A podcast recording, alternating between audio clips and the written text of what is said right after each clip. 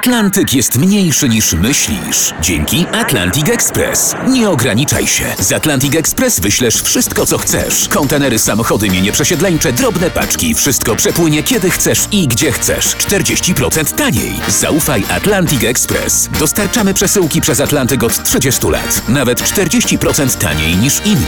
Dzwoń 1 800 775 73 63. Ekspresowo przez Atlantyk. Tylko z Atlantic Express. Dorwać bestie w RMFFM.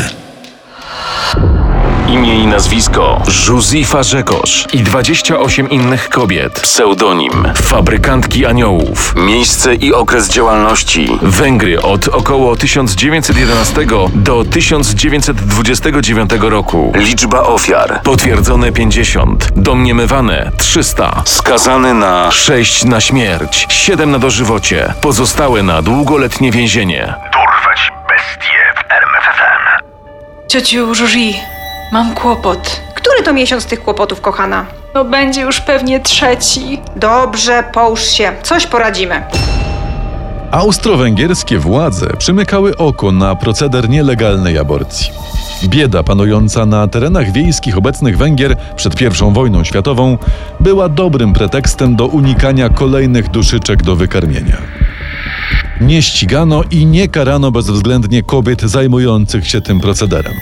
Nawet jeśli doszło do złapania, często obywało się to bez konsekwencji prawnych. Tego typu pomoc stała się głównym źródłem utrzymania Żuzi Fozekosz. Jeszcze jako panna, nosząc nazwisko Olach, sprowadziła się do niewielkiego miasteczka Nagirew. Była położną i pielęgniarką dla lokalnej społeczności, jedyną funkcjonującą na miejscu służbą zdrowia. Udawano się do niej z przeróżnymi problemami, a ona całkiem skutecznie pomagała, czym szybko zyskała uznanie i zaufanie.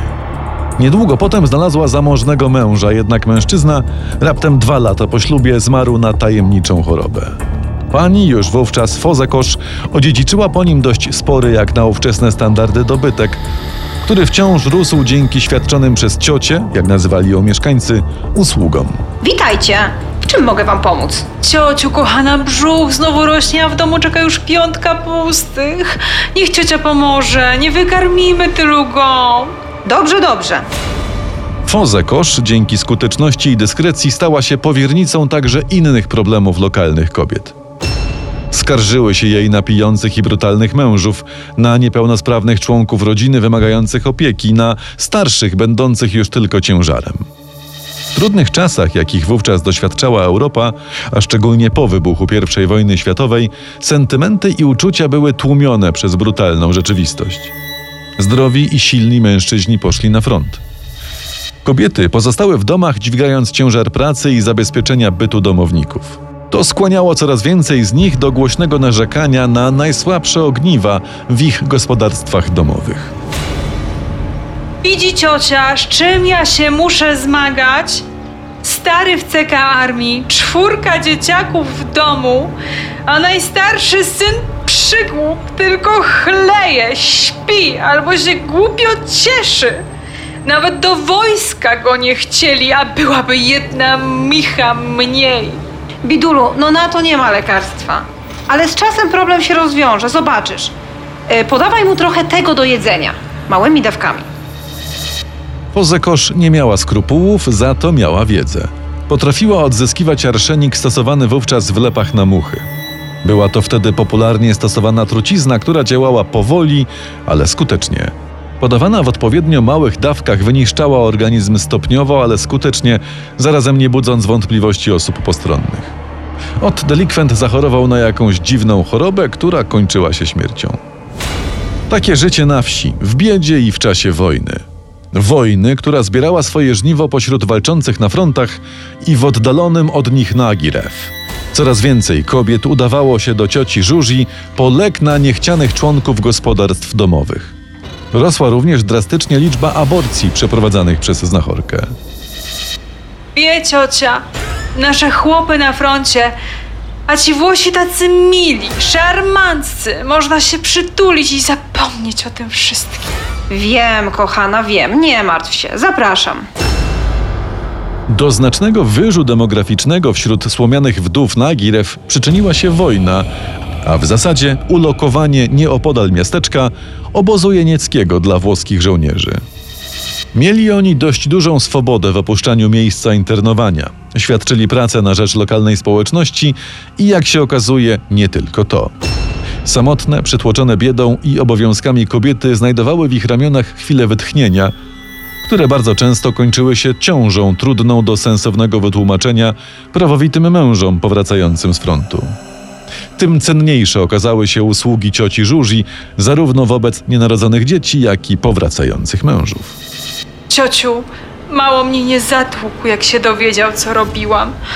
Ktoś mu doniósł, a jemu niewiele trzeba. Wcześniej czy później, jak się nachleje, to, to mnie zabije. Nie płacz, kochana, nie płacz. Wiesz co, weź tę fiolkę i dodawaj mu po trochu do jedzenia. Będzie dobrze, zobaczysz. Kobiet w podobnej sytuacji zaraz po zakończeniu wojny było tak wiele, że szybko wokół domu Fozekosz utworzył się swoisty sabat, którego członkinie narzekały na mężów i jednocześnie pomagały Żuzi pozyskiwać arszenik na skalę niemal przemysłową.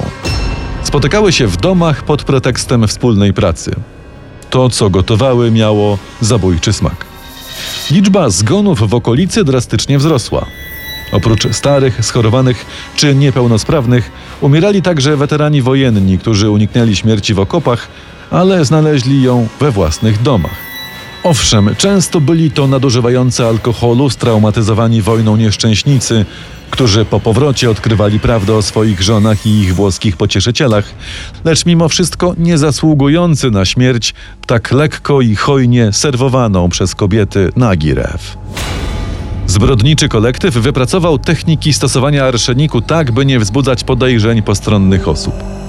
Kobiety wspólnie decydowały, kogo i jak należy otruć, instruowały i pomagały. Powojenny kryzys, eskalacja biedy, brak kontroli ze strony władzy i dostępu do jakiejkolwiek opieki medycznej były skutecznym wytłumaczeniem dużej liczby zgonów i zachętą. W naszej wsi mówi się, że może pani pomóc. A no mogę, mogę, kochana. A co cię boli? Boli, jak chłop pije i pije. A, to i na to mam lekarstwo. Popularność cioci Żuzi i fama o tym, co dzieje się w Nagirew, rozchodziły się po okolicznych wsiach i miasteczkach. Zdesperowane kobiety udawały się do niej po truciznę i instruktaż. Zadowolone z efektów podawały informacje dalej. Proceder trwał bezkarnie przez prawie dekadę od zakończenia wojny. Jednak wieść niosła się również wśród mężczyzn.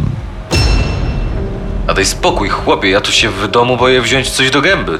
Nawet jak jest co zjeść. Tydzień temu, słuchaj, znów dwóch poszło do piachu. Ja się wolę normalnie usiąść w karczmie, napić. Tak jest, słuchaj, bezpieczniej. Każdego rozzuchwalonego zbrodniarza wcześniej czy później gubi poczucie bezkarności.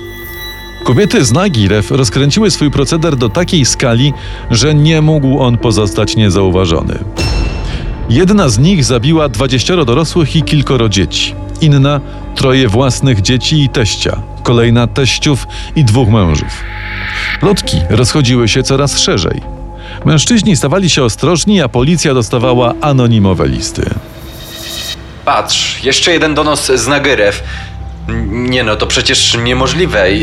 Jest tam jakiś chory człowiek, y, który wymyśla te brednie i śle do nas, jakbyśmy nie mieli co robić.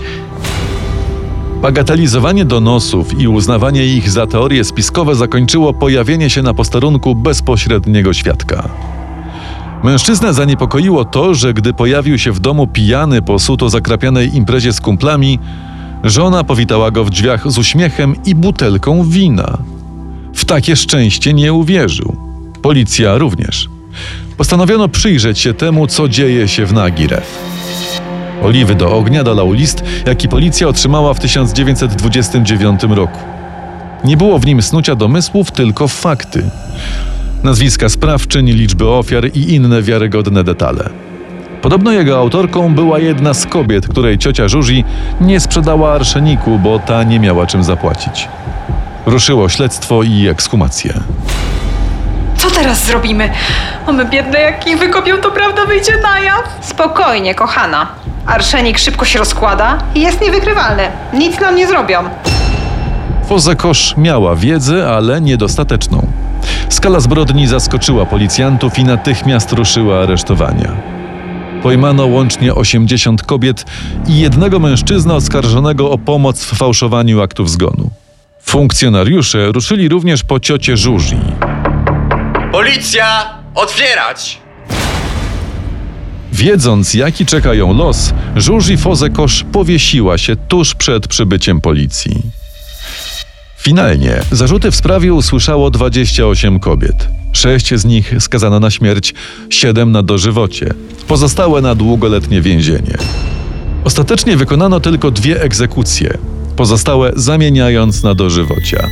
O sprawie fabrykantek aniołów z Nagirew rozpisywała się przez pewien okres prasa na całym świecie, nazywając ją największym mężobójstwem w historii. Poznaj sekrety największych zbrodniarzy świata.